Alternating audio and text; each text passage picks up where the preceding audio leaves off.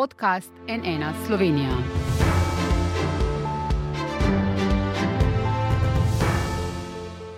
Dober dan, to je NN studio. Super volilno leto v Sloveniji se nadaljuje s prvimi napovedmi kandidatur za jesenske volitve za predsednika republike. Javno na novinarski konferenci so doslej kandidaturo najavile tri ženske: pravnica Nataša Pirc-Musar, psihoanalitičarka in filozofinja Nina Krajnik, ki bosta zbirali podpise voljivcev, ter danes še podpredsednica vladajoče stranke Gibanje Svoboda Marta Kos. Vse tri smo povabili v studio, da izvemo več o njihovih načrtih. In zdaj ob sebi prav lepo pozdravljam Natašo Pirc-Musar, Dobar dan. Dobar dan. In okrajnik, dober dan tudi vam. Zdravljen. Uh, Marta Kos pa je že na poti v Švico, kjer ureja vse potrebno za ponovno selitev v Slovenijo, zato se pogovora kljub našemu večkratnemu povabilu žal ni mogla udeležiti. Gospa Pirc Musar, rekli ste, da ste že kar nekaj časa razmišljali, da bi lahko v slovenskem družbenem in političnem življenju naredili več, da pa je zdaj napočil ta čas. Zakaj ste se odločili za to pot neodvisne kandidatke, niste pa recimo sprejeli vabila, ki ste ga od Gibanja Svoboda po naših informacijah prejeli še pred Marto Kos, da bi bili torej vi podpredsednica in tudi kandidatka zdaj vladajoče stranke? Jaz nikoli nisem bila članica nobene stranke, niti nikoli nisem bila v prejšnjem režimu v partiji in to držo držim, odkar pomnim. Uh, nisem želela samo zato, da bi lahko dobila kakšno pozicijo, niti je nisem iskala, vstopiti v stranko. Preprosto je moja drža vedno bila taka, da uh, nimam nahrbtnika na svojem hrbtu, da pravzaprav lahko vsakomur, ki bi si zaslužil mojo kritiko ali pohvalo, naredim to popolnoma brez zadržkov. Zato sem se seveda tudi odločila, da grem v zbiranje podpisov. Predvsem se mi pa zdi zelo, zelo pomembno, da je predsednica republike uh, takšna funkcija, ki mora izrazito biti neodvisna od katerekoli dnevne politike. Namreč na koncu je lahko edino predsednica republike ali predsednik republike tisti, ki tudi vladajočim nastavi ogledalo, ki je neka moralna avtoriteta, ki si upa kritiko sporočiti tudi tistim, ki so morda njegovi politični somišljeniki ali pa prijatelji. O tem bomo še kakšno rekli v nadaljevanju, ampak to očitno potem drži, da so vas nagovarjali v gibanju Svoboda, za, da se jim pridružite, da pač ste njihova kandidatka potem na predsedniških volitvah, če sem pravilno razumel. Ne, nismo se nikoli pogovarjali o tem, za kakšno mesto bi lahko Aha. kandidatka bila. Res pa je, da sem se z dr. Robertom Golobom veliko pogovarjala, me je povabil med prvimi, ni bil prvi, zadnjih 12 let me vabijo v razno razne stranke, ampak tudi njemu sem dala odgovor, ki je bil uh, um, enak prejšnjim. Torej, uh mhm. -huh. nikoli nisem želela iti v nobeno stranko in tega se držim še danes. Gospa Krajnik, tudi vi greste v zbiranje 5000 podpisov, ki jih potrebujete, da postanete tudi uradno kandidatka. Glede na to, da vas javno in zelo odkrito podpirajo člani in simpatizeri član, uh, strank prejšnje koalicije, vaš glavni podpornik, da nimo, je dr. Peter Jambrek. Kako to, da niste šli vsaj v pogovore z njimi, da bi bili morda njihova kandidatka? pravite, da se o tem s temi strankami niti pogovarjali niste. Zakaj ne? Tudi jaz nikoli nisem bila članica nobene stranke. Eh, moja drža pri mojem delu je bila vedno neodvisna in zato tudi lahko suverena, kritična, pa vendar, eh, bom rekla, vedno konstruktivna. In um, v Politično, na politično pot sem se pravzaprav podala na tanko s temi vrednotami in uh, mislim, da je to vrstne cilje povezovanja mogoče doseči samo na ta način. Drži to, kar pravite, z nobeno stranko še nisem imela nobenih pogovorov, uh, ker pravzaprav si želim, da stranke same prepoznajo, ali se vidijo v tem, kar sama zastopam, ali ne. Moja politika, kot sem napovedala, je politika singularnega in tista, ki edina lahko ne na zadnje povezuje razlike. Uhum. Boste pa, če sem pravilno razumel, sprejeli podporo katerekoli stranke, ki bi se morda odločila, da pač podpre vašo kandidaturo? Tako je. Moje analize političnega družbenega prostora v Sloveniji lahko nagovarjajo tako leve kot desne voljivce. In uh, vsakdo, ki uh, je odprt za neko mišljenje, um, ne pa na nek način uh, dogmatično uh, prepričan v neke precej omejene um, principe, bo kmalo prepoznal, o čem govorim. Tako da moja drža je v tem odpirati neke nove prostore mišljenja in jaz mislim, da je tukaj velik manevrski prostor.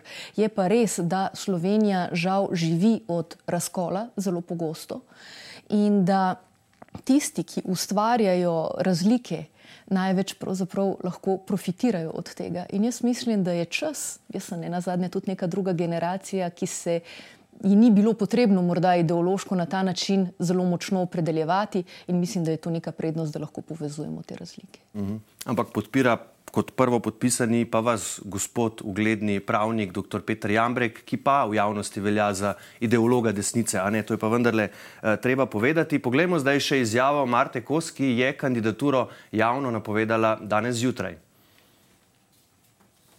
Ponosna sem, da sem predstavnica tistih naprednih sil, ki so po dveh težkih letih nazadnjaštva vrnile ljudem dostojanstvo in zaupanje v prihodnost. Ponosna bom, če bom lahko še naprej glas civilne družbe, ki stavi na solidarnost, skupno dobro in na državljanski pogum. Kot predsednica bom ponosno predstavljala Slovenijo in ji vrnila ugled in spoštovanje tako v Evropi kot v mednarodnih odnosih. Vemo, kaj nas tare, kaj bega, kaj plaši, negotove zdravstvene razmere, ostrina časa, kruta vojna. A vemo tudi, kaj zmoremo in kako zmagamo, da smo ponosni na tisto, kar dobro upravimo, da zaupamo v sodelovanje, v nežno prijaznost in tudi solidarnost. Zdaj, Marta Kos bo kandidirala torej kot kandidatka politične stranke Gibanje eh, Svoboda, sta v bistvu gospa Pirc Musar so ustanoviteljici združenja Ona ve, v bistvu sodelujeta in bosta to tudi uh, v nadalje, ne, to sta v bistvu obe nekako zdaj javno v tem času že povedali. Je pa uh, zanimivo, kar je, da nimo uh, eden od vaših podpornikov, nekdani predsednik, prvi predsednik republike Milan Kučan, rekel, da ni dobro, da ima vladajoča stranka, ki ima za povrh vsega še kar 41 poslank in poslancev, v rokah vse tri najviše politične funkcije v državi. Torej, poleg predsednika vlade Roberta Goloba, predsednice državnega zbora Urške Klakočar Zupančič, še predsednico republike, v tem primeru pač Marto Kos. Se vi s tem strinjate, je to dejansko lahko problem, je to uh, pač za demokracijo lahko tudi nevarno? Jaz se absolutno s to izjavo prvega predsednika strinjam. Gre za politično-sistemski problem, ki lahko nastane, če ima ena stranka tri najvišje pozicije v državi. To se sliši, pa naj mi ne zamerijo, morda malce Orbanovsko. Uh mhm. eh, -huh. Že prej sem v prejšnji svoji izjavi povedala, da se mi zdi, da je ravno drža predsednika oziroma predsednica države tista, ki si mora in sme uh, upati povedati tistim, ki vladajo, eh, če v državi ne bo šlo tako, kot bi prebivalke in prebivalci radi. Tukaj seveda predvsem govorim o temeljnih človekovih pravicah, o socialni in pravni državi. To so vrednote, ki jih jaz zadnjih 20 let zagovarjam. In vedno sem bila jasna in glasna, pa ne samo zadnji dve leti. Veste, tudi pred, pod prejšnjimi vladami sem uh, mrsikdaj povedala, kadar se mi kaj ni zdelo prav. Um, vsak, ki prihaja z določene politične stranke, ima seveda določene obveznosti do te stranke, ki ga predlaga na volitve. Jaz tega nahrbnika nimam in ga nisem želela imeti. In še enkrat povdarjam, sistemsko politično zagotovo ne bi bilo dobro, da so vse tri najviše funkcije države pod eno stranko. Je pa zanimivo, v bistvu, da je edini predsednik, ki je bil doslej izvoljen kot strankarski kandidat, je bil dr. Eh, Janez Drnovšek. Eh, če zdaj preidemo k vizijam. Tudi gospod Borod Pahor pa je potem zamrznil svoje članstvo. Ne, ne, on je kandidiral kot ne? neodvisni kandidat na obojih volitvah, imel pa je podporo socialnih demokratov. To je ta razlika. Eh, če pre, zdaj preidemo k vizijam, torej k temu, kakšno predsednico ali predsednika Slovenija potrebuje. Vi, gospa Krajnik, pravite, da slovenska družba potrebuje ozdravitev. Ne? Ali to pomeni, da smo bolna družba, v kakšnem smislu in kako boste to ozdravitev dosegli? No, nobena družba ni povsem zdrava. Ne? Tukaj si ne smemo delati iluzij oziroma eh, na ta način biti dogmatični. Eh, seveda pa jaz mislim, da je tukaj največji strukturni problem ravno na subjektivni ravni. Recimo vi govorite eh, o človekovih pravicah, o pravni državi. Absolutno se strinjam, to je absolutno nujno pri nas dosežeti. Seveda pa se je potrebno vprašati, zakaj pri nas šepajo to vrstni sistemi pravo, človekove pravice, pa ne mislim samo tiste napisane in uradne in formalne, ne na zadnje pravice, ki jih imamo mi kot posamezniki v odnosu do drugih. Slovenija je izredno groba družba, izjemno maščevalna, izjemno kruta večkrat. Kako to odpraviti, kako to popraviti, po vaše? Moja politika, tako kot vse čas govorim, je politika singularnega. Kar pomeni, da ne. A lahko razložite, kaj to pomeni? Ker ja, um, jaz ne razumem povsem tega. Zelo veliko krat to besedo uporabljam. Ja, veste, jaz se spomnim, bom povedala eno kratko anegdoto v zvezi s tem. Ravno pred časom smo imeli neko predstavitev uh, knjige Slovenski razkol dr. Možine na gradu Tuštan. In uh, prišla je takrat. Um, Na nek način tudi prvič javna pobuda s strani dr. Jambreka, da kandidiram. In uh, jaz sem takrat prvič govorila o tem, kaj pomeni singularno. Ne? Se pravi, uporabila sem ta izraz. In sem ga tudi razložila z besedami, da to pomeni, da se mi zauzemamo za unikatnost in neprimerljivost nekoga z drugim. Se pravi, da ta razlika med nami ni vzrok sovraštva, ampak nas povezuje. In ta anekdota, ne, ki sem jo želela povedati, pa je, po predstavitvi knjige je k meni prišla neka starejša gospa, nekih 90 let, in mi je stisnila roko močno in rekla: Jaz vas podpiram. In je rekla, če vas jaz prav razumem, a ne, potem, ko boste vi predsednica, potem bo vsak lahko čutil na kakršen koli način želi, pa povedal, kaj si želi, pa nihče ne bo nasilen potem do njega, a ne da to pomeni singularno. In jaz sem rekla, da, gospa, prav me razumete. Ampak to je v redu. In bila sem tako uh, ganjena. Ne? Uh, jaz mislim, da ni tu utopija. Ne na zadnje je tu ključni princip uh, psihoanalize, s katero se pač sama ukvarjam. In uh, psihoanaliza je bila zlasti zelo popularna v času ne, 60-ih let v Franciji v levičarskih krogih. Zakaj? Ker so oni bili prvi, ki so si prizadevali ne na zadnje za to, da se od teh kolektivnih ne, entitet, ki so vedno nasilne do singularnosti, potujimo. Se pravi, ta ideja singularnosti je izrazito leva, ideja izvorno. Medtem ko pa seveda čas pokaže, ko so na oblasti, ne samo v Sloveniji, tudi sicer v svetu, ene in iste strukture 50-60 let, jim tako lahko rečemo, da so pač bolj konzervativne, ne? se pravi, po smislu trajanja. Tako da v tem ni absolutno nič uh, utopičnega, je pa seveda subverzivno, to se pa strinjam in zahteva ogromno, ne na zadnje, osebne etike um, in uh, tudi nekega izjemno etičnega odnosa do drugih.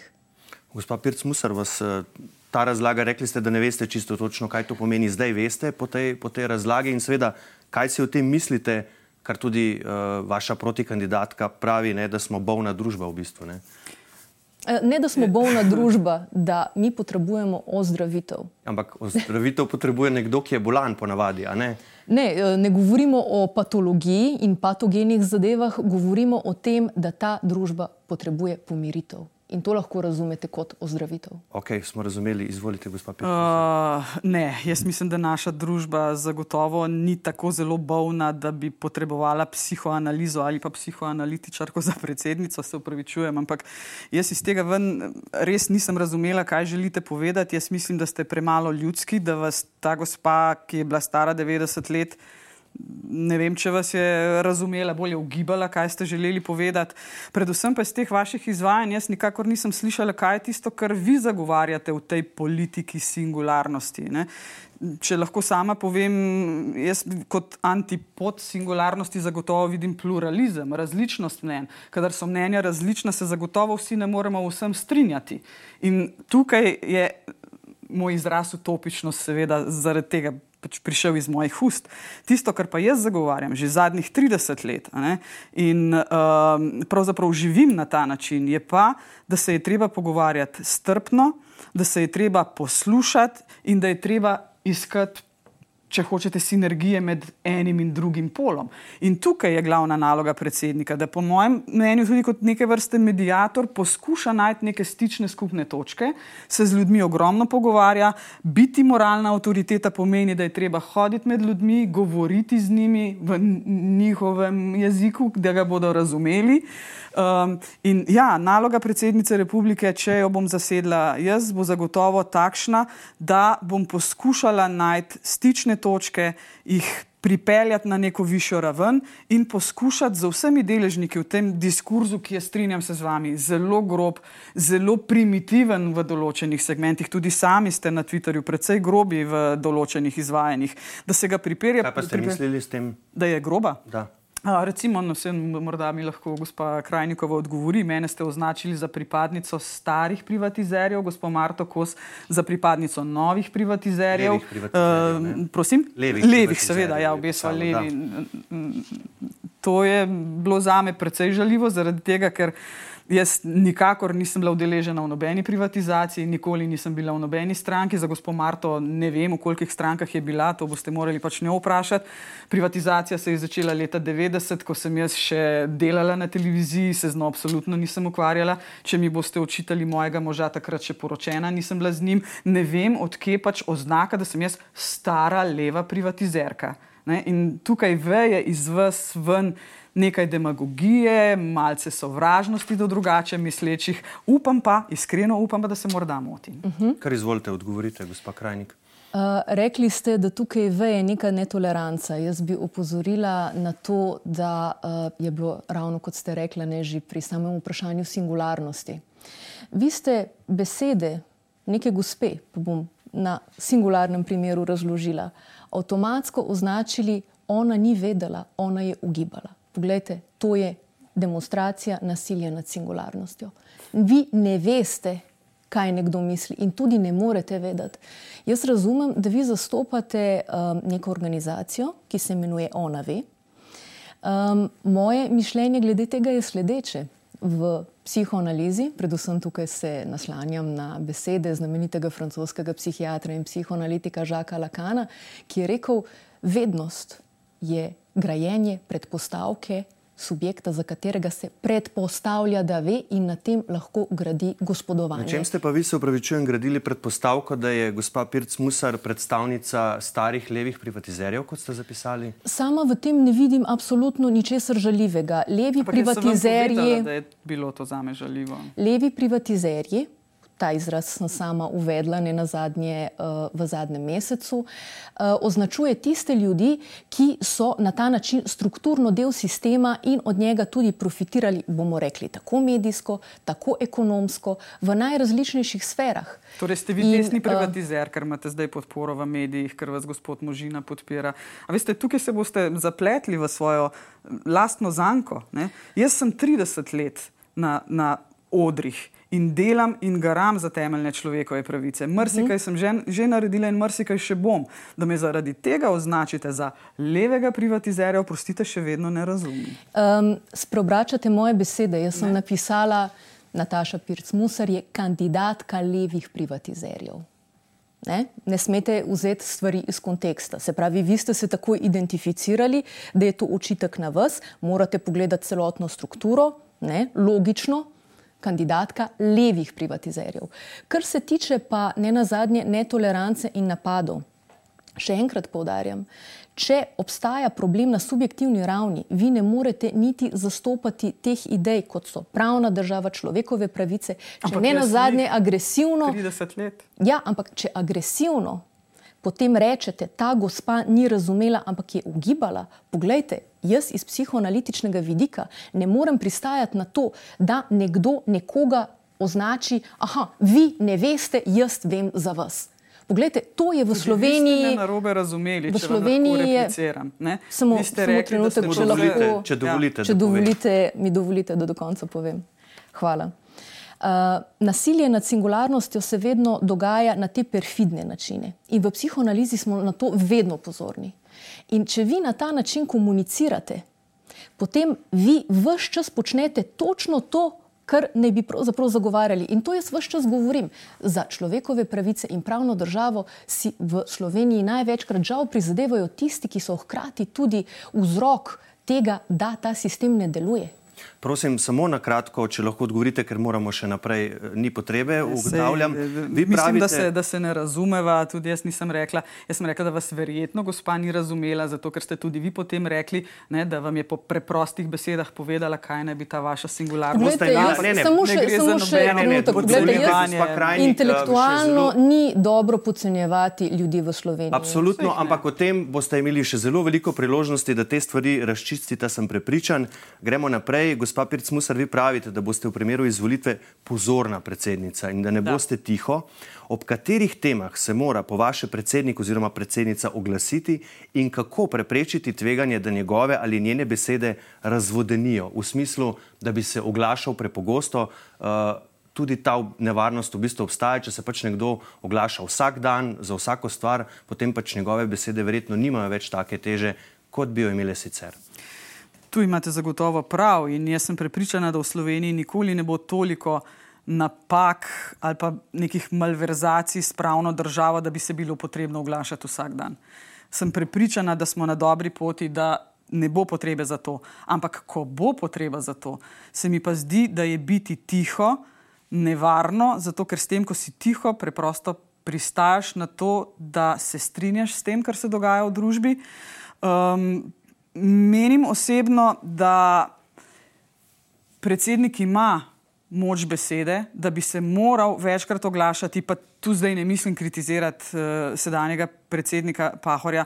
Jaz sem že večkrat povedala, da ima vsak svoj način uh, vodenja, tudi sama uh, ga znam za marsikatero stvar pohvaliti. Kot državljanka, kot prebivalka Slovenije sem v tistih najhujših časih res pogrešala, da bi se oglasil.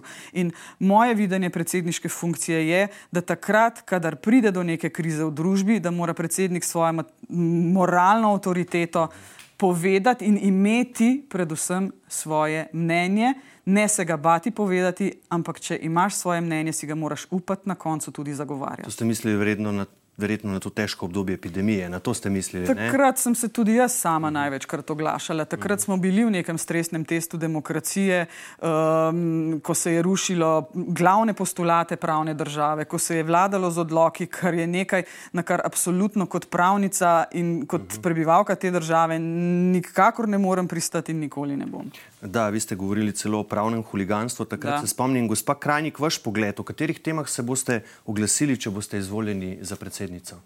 Jaz se bom absolutno oglasila za začetek um, glede tematik, ki zah, uh, zadevajo dostojanstvo človeka. Um, prej ste omenili ne, uh, ta moj izraz ne, da vas povezujem z levimi privatizerji. Zdaj, če vi to razumete kot. Ne, ne, mi lahko, uh, do... prosim, na vprašanje odgovorite. Absolutno, bom, bom se uh, želim demonstrirati. Okay. Uh, vi ste se strinjali, izrazili strinjanje z nekim citatom oziroma izjavo, ki pa je izjemno žaljiva in navezuje se na aktualnega predsednika Boruta Pahorja in sicer, da bo slabši predsednik od Boruta Pahorja lahko samo še teoretska psihoanalitičarka. Se pravi, gospa Musar je izrazila podporo takemu zapisu, kar pa je, bom rekla, napad ad hominem. Ste, in pogledajte. Ste, ste se strinjali s takšnim zapisom? Uh, tega je zapisal moj kolega, pravnik, uh, res sem ga lajkala in tudi iskreno mislim, da s takšnim diskurzom in s tem, kar sem poslušala, kar ste povedali, mislim, da ne boste dobra predsednica. Ampak o katerih temah se boste pa oglasili, če boste predsednica? Absolutno o vseh temah. Uh, težki časi so pred nami, zahtevni, smo blizu področja, kjer divja vojna, obeta se nam kriza, tako ekonomska, gospodarska, prehrambena, energetska. To so vse izjemno občutljive teme. In kako ne na zadnje biti predsednik za vse? Se pravi, tako za tiste, ki uh, so žrtve vedno tega sistema, kako njih predvsem slišati, šele potem ne na zadnje voditi to vrstno razpravo z njihovimi predstavniki, ki največkrat pravzaprav gledajo izključno v svojo korist. Kaj pa recimo to, gospa Krajnik, je tema, ko se je treba oglasiti, da nimo to, kar je aktualno v teh dneh v ZDA. Vrhovno sodišče je z razveljavitvijo 50 let stare sodbe v zadevi Roe proti Wade de facto odpravilo pravico do splava na zvezdni ravni. 13 zvezdnih držav je imelo v bistvu že pripravljeno uh, zakonodajo, ne, prepoved splava že vnaprej pripravljeno.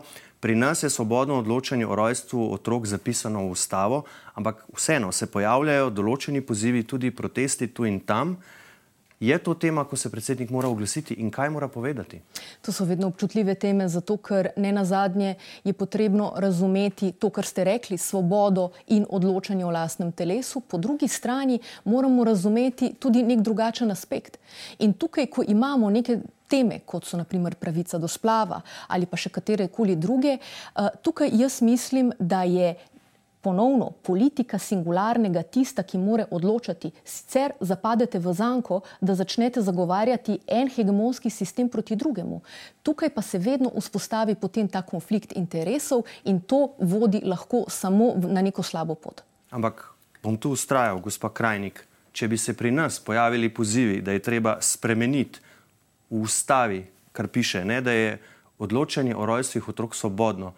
Kaj boste povedali ob teh pozivih, če boste predsednica republike? Boste to podprli ali glasno zagovarjali pravice žensk, ki so ustavne pravice do splava? Še enkrat, politika singularnega zahteva to, da ne morete vi okarakterizirati in vnaprej forsirati neko odločitev, ki jo bo nekdo sprejel. To je kot prvo pravno vprašanje, jaz se strinjam, je hkrati klinično vprašanje, šele zatem je politično. Okay, Mi moramo vedeti, vprašal, podpirate potem to ustavno pravico ali ne podpirate? Jaz glede tega se na tej točki absolutno ne bom opredeljevala, Dobro. ravno zaradi tega, ker to ni tisto vprašanje uh, na ideološki ravni, ne, ki bi vas potem lahko spravilo v en ali drug ideološki kot. Jaz ustrajam pri tem.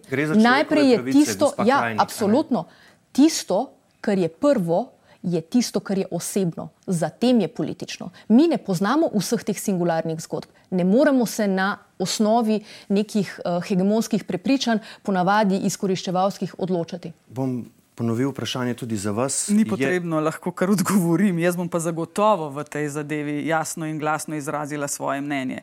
Pravica žensk do splava, do svobodnega odločanja o rojstvih je pravica, ki so si jo ženske izborile z mnogo muk in čez težka leta. Da se je to zgodilo v Ameriki, pravzaprav za me ni presenečenje, pa bom tudi povedala, zakaj. Izjemno pomembno je, kdo sedi na vrhovnem sodišču, pri nas na ustavnem sodišču. Tam se stvari lomijo. Sodba Roe vs. Wade iz leta 1973 je po tolikih letih padla, ljudje bodo šli na ulice. Kaj se bo dogajalo? Ne morem razumeti, da vrhovni sodniki v Združenih državah Amerike ne sprevidijo da bodo ženske hodile k mazačem. Spomnimo se samo Irske, Poljske. Na Irskem so z referendumom sicer zdaj potrdili pravico do splava, prej so hodile ženske v Veliko Britanijo, na Poljskem hodijo v sosednje države. Ta osnovna pravica ženske, verjemite mi, mora ostati in za njo se bom borila do zadnje svoje biti. In vedno bom jasno in glasno povedala, da je to pravica, ki jo v Sloveniji imamo že dolgo in je prav, da v ustavi ostane in da se je nihče ne dotika. Jaz bom glasna ob tej temi, če se bo to zgodilo. Želeli kaj dodati? Ja, želela sem dodati, da pravzaprav največji problem, ne samo v Sloveniji, tudi širše, so veliko krat lažni izrazi feminizma. Uh, sama prihajam iz filozofskega področja, aktivističnega in uh, vem, na kakšen način se lahko ta pozicija ne, ženske kot enotna kategorija zlorablja. Feminizem ima veliko različnih obrazov. Ampak potrebno je tukaj vedno postaviti vprašanje, ali gre za bogate ženske, ki odločajo o nečem, ali gre za ženske iz, rečemo na ta način, proletarijata iz roba družbe in tako naprej. Ampak človekove pravice potrebno... pripadajo vsem. Absolutno. Popolnoma zgrešena definicija absolutno. feminizma. Jaz sploh ne vem, o čem vi govorite. Mm. Tako kot prej na pravico do splava niste želeli odgovoriti, ne, ste leporečili pet minut, tudi zdaj še vedno ne razumem, kakšna stališča zastopate. Žal. Ne, vi izvajate pravzaprav neko to retorično zanko, s katero bi želeli nekoga pravzaprav etiketirati. Vidite, ne, to je največji. Povejte, ne. Sami sedete, povejte. Ja, povejte, kakšno to, stališče za to je največji to je. problem. Vidite, jaz nastopam proti temu. Etiketirati oziroma nekoga nagnati na to, da se etiketira, to je problem tega, da ne obstaja singularnost. Poglejte, to se vse čas neke, boste, neke boste debate. Seveda in ga tudi imam, sem ga povedala na začetku. Nisem. Če še vedno ta izraz, da je to, kar je politično, najprej to, kar je osebno ampak osebno ni nikoli enako za vse. osebno je vedno tisto, kar je intimno in lastno nekomu. Splav je način... pa v Sloveniji ustavna pravica žensk in tu bomo šli zdaj naprej. Vsak tak pogovor, ki ga imamo tudi mi danes, seveda nanese tudi na pristojnosti predsednika republike. Te so pri nas, bodimo iskreni, predvsej okleščene, a ne iz takšnih ali drugačnih razlogov. Vseeno pa ima predsednik kot formalno najvišji politik pomembno vlogo pri imenovanju denimo mandatarskega kandidata v prvem krogu, pri predlaganju ustavnih sodnikov, predsednika računskega sodišča, pa senat KPK, če naštem samo nekatere. Kako vidite to ustavno vlogo ali katere pristojnosti morda ne sodijo k predsedniku ali katere morda manjkajo, gospod Pircmusar?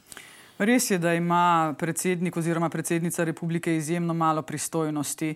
Um, po mojem mnenju bi bilo prav, da bi jih bilo več. Zadnje čase se govori, da naj bi imel predsednik republike oziroma predsednica tudi možnost imenovati sodnike, da se ta, eh, ti postopki imenovanja umaknejo ven iz izrazito političnega organa, kar je parlament. Uh, izjemno pomembno je, da predsednik republike zelo, zelo razmisli, koga bo predlagal na kakšno pozicijo. Jaz sama vam zagotovim, da bom predlagala vedno, za, vedno ljudi, za katere bom menila, da so vrhunski strokovnjaki oziroma strokovnjakinje, pa čeprav bo morda kdaj potrebno uh, riskirati, da takšen posameznik ne bo izvoljen v državnem zboru. To se mi zdi pogumno strani predsednika oziroma predsednice vlade. Bi pa tukaj še eno stvar omenila, da ne bomo samo rekla, kritizirali uh, predsednika republike. Jaz sem izjemno, sej izjemno. Zato tudi, ne bom ne, ne, ne, sej, samo res bi rada povedala, da. Seveda, teoretska psihoanalitičarka slabši predsednik od Borota Pahorja. Drži. Ampak dobro. Ja. To pa drži. Uh, in rada bi pa vendarle povedala, da je gospod Borut Pahor našel določene uh, poti, kako pravzaprav dati neko veljavo tej funkciji, predvsem do ljudi. Zdaj, ena od akcij, ki je pri njemu meni bila vedno izjemno všeč, eh, predsednik odlikuje za izjemne dosežke, prebivalce in prebivalke Slovenije, državljane in državljanke. Eh, ampak to so odlikovanja za ljudi, ki so že veliko v svojem življenju naredili. Jabolko navdiha, ki ga je predsednik republike začel izvajati, so pa nagrade za ljudi, ki so v tekočem letu naredili nekaj dobrega dobrega. To so stvari, ki jih je vredno in potrebno pohvaliti. Da, 2013 je to uvedel, vi boste to obdržali? Absolutno, če postanem predsednica, uh -huh. to akcijo zagotovo zadržim. Gospa Krajnik, uh -huh. uh, glede pristojnosti predsednika, uh, katere bi morda dodali, katere oduzeli in seveda enako vprašanje, uh, kaj morda od predsednika Pahorja bi bilo smiselno obdržati?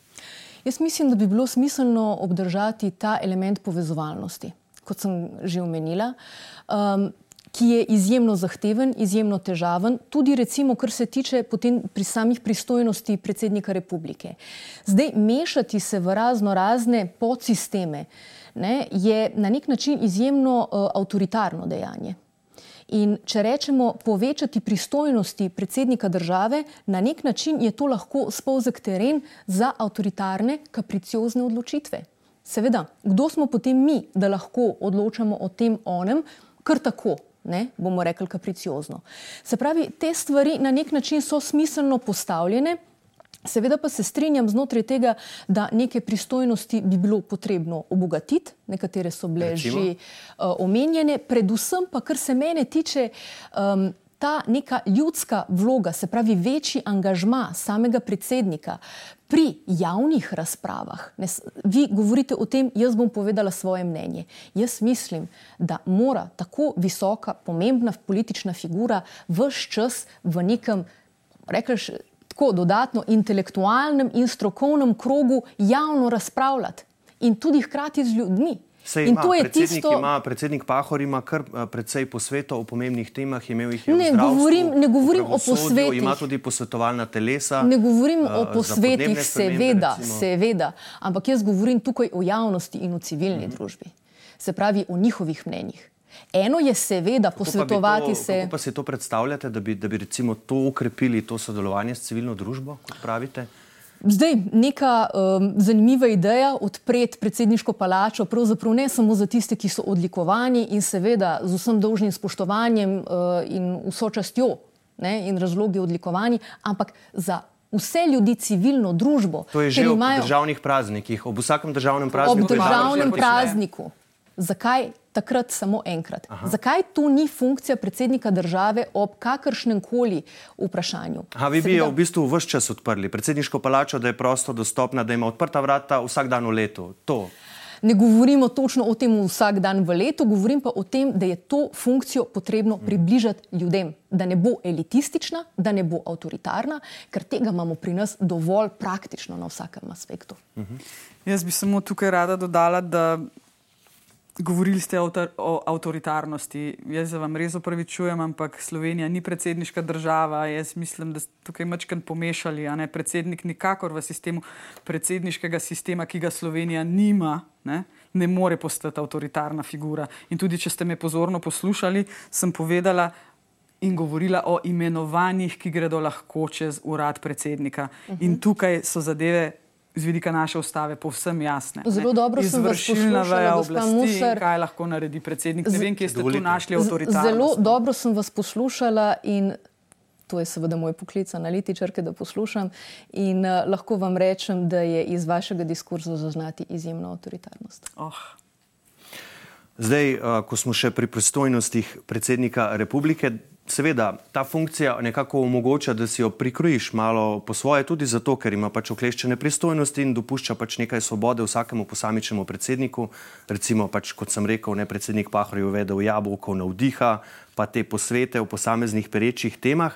Je pa tudi uvedel javne predstavitve kandidatov za te funkcije, ki sem jih prej omenil, tudi po izkušnji nekaterih uh, slabih oziroma spornih imenovanj v preteklosti, torej se je predsednik iz tega nekaj naučil, bi te javne predstavitve obdržali v bistvu zelo kratko daljine. Odvisno za katero funkcijo. Ne? Bolj kot je mhm. funkcija pomembna za širšo javnost, bolj je treba odpreti razpravo o tem. Zagotovo ni nič narobe, uh, da se kandidati uh, javno predstavijo, mhm. ne na zadnje s tem tudi pokažejo svojo energijo, ampak veste, taka javna predstavitev na koncu na samo imenovanje v državnem zboru prav nič ne vpliva. Da, ker so pač razmerja moči Tako. takšna, kot so. Uh, tudi, vas, tudi vas sem slišala, vprašali ste, ali lahko odgovorite z da ali ne. Jaz bom to spoštovala ker poslušam in bom rekla da. Dobro, uh, gremo naprej. Uh, pomembno je, da vas ljudje kar se da dobro poznajo, da vam lahko potem seveda zaupajo. Zato najprej vprašanje za vas, gospa Krajnik. Uh, mediji so v teh tednih, pa tudi že v preteklosti, na podlagi policijskih zapisnikov in pričevanj poročali o tem, da ste bili nasilni do svojega partnerja, župana Moravč Milana Balažica, do njegovega nekdanjega sodelavca iz volilne kampanje in tudi njegovega očeta, torej vašega tasta, kot mu pravite. Ne? Ta je ob preverjanju novinarjev, ki ste jih potem obtožili vdora na posestvo, to tudi potrdil. Zato prosim zelo jasno, ljudje imajo pravico to vedeti, pa tudi sami ste rekli, da se teh vprašanj v bistvu veselite. Seveda. Da ste si noči rekli, če te obtožbe ne držijo, da jih prosim zavrnete.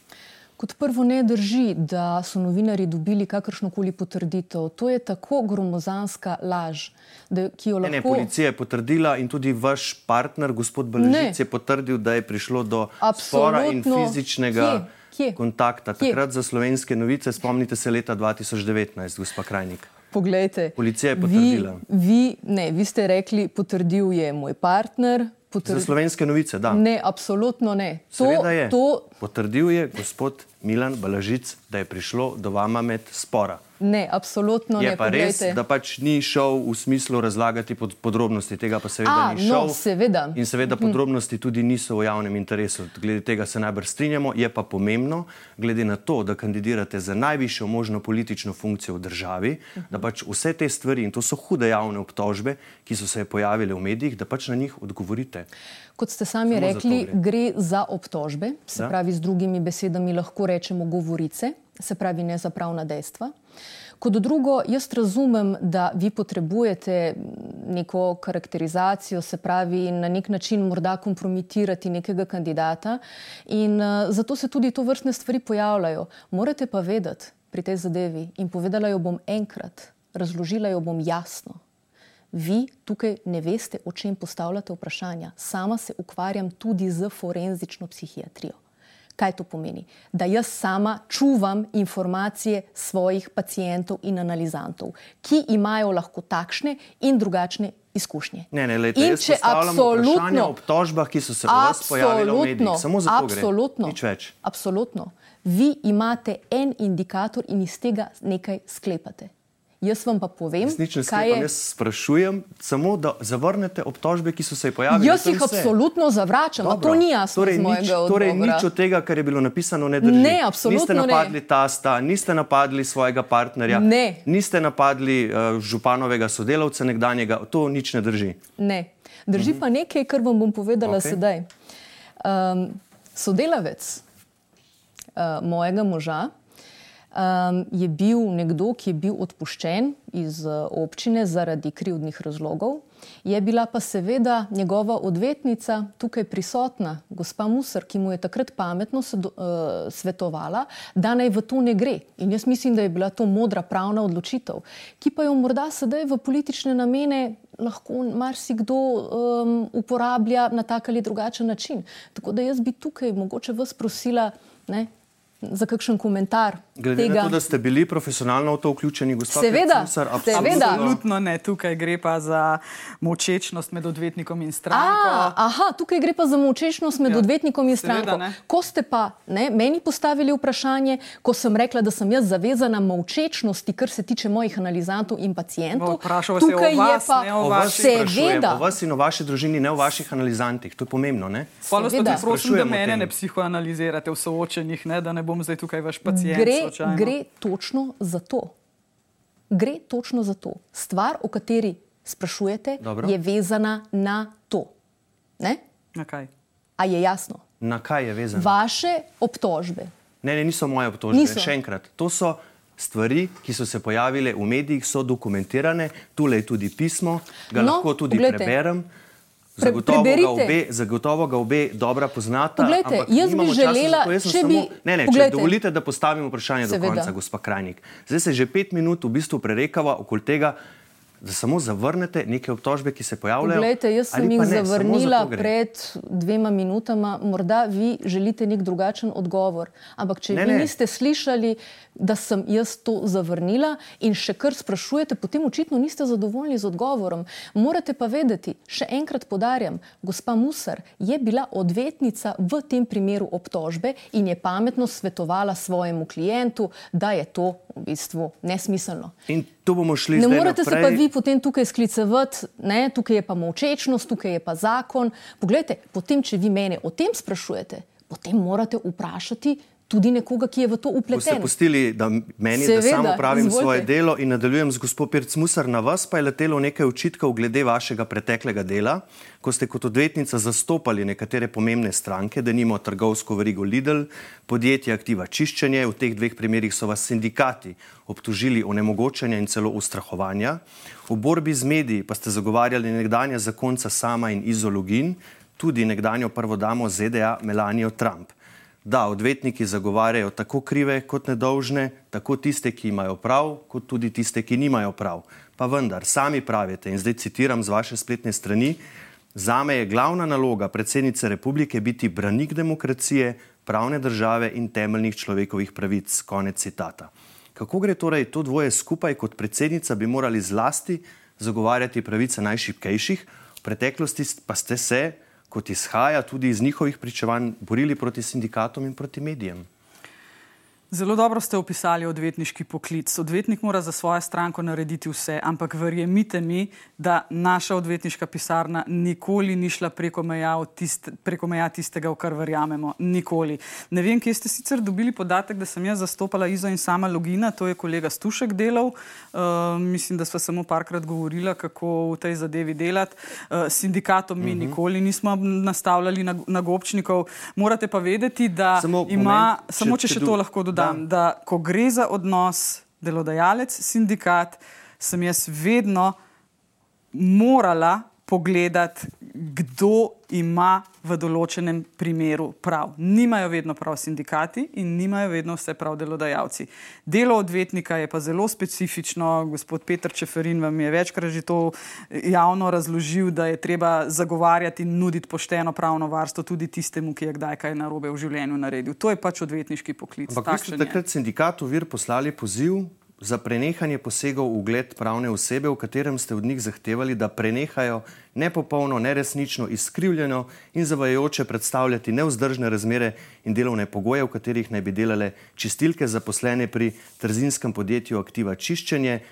ki je kot najeto podjetje upravljalo čiščenje v ŠC velenje. Torej, takrat Točno. vas je sindikat obtožil onemogočanja in ustrahovanja. Ja, ampak a, to je klasično odvetniško delo. Če se nekdo nekaj zlaže, če širi laži, če posega v ugled pravne osebe. Pozarjali so na neuzdržne razmere. Ne? Razumem, ampak niso vsega povedali pravilno in pošteno. In mm. moja naloga kot odvetnica je seveda takrat bila, da jim povem, kje so prekoračili mejo. Mm -hmm. uh, dobro, ampak mislite, da voljivci vam tega ne bodo zamerili vašega preteklega dela, ko ste pač v vlogi odvetnice opravljali svoje delo? Ali pa če vprašam drugače, ali vas je pri tem vodilo samo načelo, pač stranka je stranka in je kralj, ali ste skrbno izbirali, koga boste zagovarjali in koga ne, tudi glede na morda etična in moralna načela, ki jih imate. O, veste, naša pisarna ima že takšen privilegij, da lahko stranko tudi odklonim. Uh mhm. -huh. Jaz sem že mrsikdaj komu odklonila pravno zastopanje, zato ker preko svojih načel preprosto ne morem iti. Bi pa rada povedala še eno stvar. V vsem svojem prostem času, osem let sem odvetnica, deset let sem bila informacijska pooblaščenka, sem se vedno odzivala novinarjem in kritizirala tisto, kar je bilo potrebno skritizirati, se borila dobesedno borila za temeljne človekove pravice in si upala ena redkih, tudi v hudih časih, na glas povedati za nobeno stranko, zase in za ljudi. Uh. -huh. Kaj pa komunikacija na družbenih omrežjih? Ne? Vi, gospa Pirc Musar, ste se doslej. Ste bili kar aktivni, če tako ja. rečem, a ne spuščali ste se tudi v dolge polemike, zlasti na Twitterju, da nimo z žigo Turkom. Ne? Se mi zdi, da sploh vidva imata kar energijo oziroma čas, da, da se s tem, da, da se gresta te stvari. Boste to počeli tudi kot predsednica? Seveda ne. Dobro. Ne bom sicer ukinila družbenih omrežij, to zagotovo ne, ker se mi zdijo zelo pomemben in primeren kanal za širjenje določenih informacij, pozicij in načel, v katera verjamem. Uh, res pa je, da je Twitter, Twitter je. Eno takšno družbeno omrežje, kjer je veliko negativne energije. Uh, morda lahko povem en stavek, pa bo vašim gledalkam in gledalcem vse jasno. Ravno zdaj berem knjigo, ki bo septembra išla uh, osebno od Miha Macinija in Miha Macini me je prav nasmejal, no, ko sem prišla do tega poglavja o družbenih omrežjih in je rekel, če želite biti srečni, pojdite na Instagram, če želite biti žalostni, pojdite na Twitter. Um, Nekako sem na Twitterju navajena no, teh besednih dvobojev. Jaz nikoli nisem bila žaljiva žigom. Turkom sva imela vedno, uh, tudi on ne, ni bil žaljiv, sva se pa veliko krat, rekla, besedno spopadla in uh, nekako mi je to včasih bilo tudi v, v, no, rekla, v užitek. Uh, ja, mogoče je to prava beseda, prav užitek debatirati z nekom, ki je tudi mojster besed, ki razmišlja popolnoma drugače od mene uh, in zato sem večkrat rada z njim, no, uh mhm. -huh. tudi na Twitterju, uh, parlamentirala in razpravljala o družbenih problemih. Kakšen je pa vaš odnos do tega, gospa Krajnik, se boste spuščali v javne polemike po družbenih omrežjih? Nekateri politiki, recimo pri nas, v tem vidijo prednost, ne, saj da je potem njihovo sporočilo objavljeno takšno, kot je, brez posegov. Poglejte, jaz sem generacija, ki je odraščala pravzaprav skoraj vse čas z družbenimi omrežji, pa boste v vseh teh letih, kljub moji prisotnosti na vseh kanalih, eh, praktično ne boste našli um, na ta način, da vodim razprave. Uh, zakaj? Zato, ker jaz mislim, da nek javni prostor besede je tisti, ki ga je potrebno vedno odpirati. In uh, tudi družbeno omrežje so veliko krat um, ravno izvor nasilja, marsikaj se lahko reče, brez meja. Uh, Um, nič od tega lahko ni sankcionirano, in jaz mislim, da znotraj tega uh, voditi nekaj na nivoju razprave se lahko tudi drugače. Seveda sama uporabljam Twitter, Instagram, Facebook um, in ostale, um, nisem pa na ta način, bom rekla, jaz sem vedno argumentirala svoje zadeve, bodi si v akademskih člankih, um, bodi si v nekih strokovnih razpravah, uh, seveda pa tudi javno na vseh dogodkih, ki sem jih vedno organizirala, uh, mednarodnih in uh, ki so vedno javni javno dostopni in tam se potem to vrstne uh, razprave odvijajo. Se mi zdi pa to merjenje moči ne, na ta način uh, mogoče predvsej nepotrebno, um, ravno zaradi tega, ker um, ta divja svoboda v besedi je večkrat lahko tisto, kar uh, praktično škoduje zelo malo pa je efekta od tega. Mi večkrat rečemo, obstaja polni govor in prazni govor. In večkrat se lahko uh, v teh kontekstih zgodi, da je ogromno praznega govora, prazne besede, rekli bi pahol plen, pahol vid. In jaz sem zato, da se vzpostavi govor, ki je poln. Se pravi, govor, ki ima nek potencial, da spremenja stvari. In na koncu bodo seveda volivke in volivci tisti, ki bodo presedili, kateri govor je prazen, kateri poln, kateri jim je najbolj všeč, kateremu verjamejo, kateremu zaupajo. Jaz se vama, spoštovani dami, najlepše zahvaljujem, da ste Enako. danes prišli v studio, da smo Hvala. imeli nek spoštljiv uvod, če tako rečem, v to predsedniško bitko, ki bo zagotovo še vroča in bo doživela svoj vrhunec še to jesen. Za danes pa še enkrat najlepša hvala za vajno obisk. Hvala tudi vam. Hvala vam za povabilo. In rokovanje lepo v duhu. tudi Mi vam. se bomo pa potem, jaz moram še odjavo narediti. Aha, okej. Uh, vam pa najlepša hvala za vašo pozornost. Če ste morda začetek tega zanimivega pogovora s predsedniškima kandidatkama zamudili, je že v celoti na voljo na naši spletni strani nnainfo.si. Studija pa le še lepo zdrav in nasvidenje.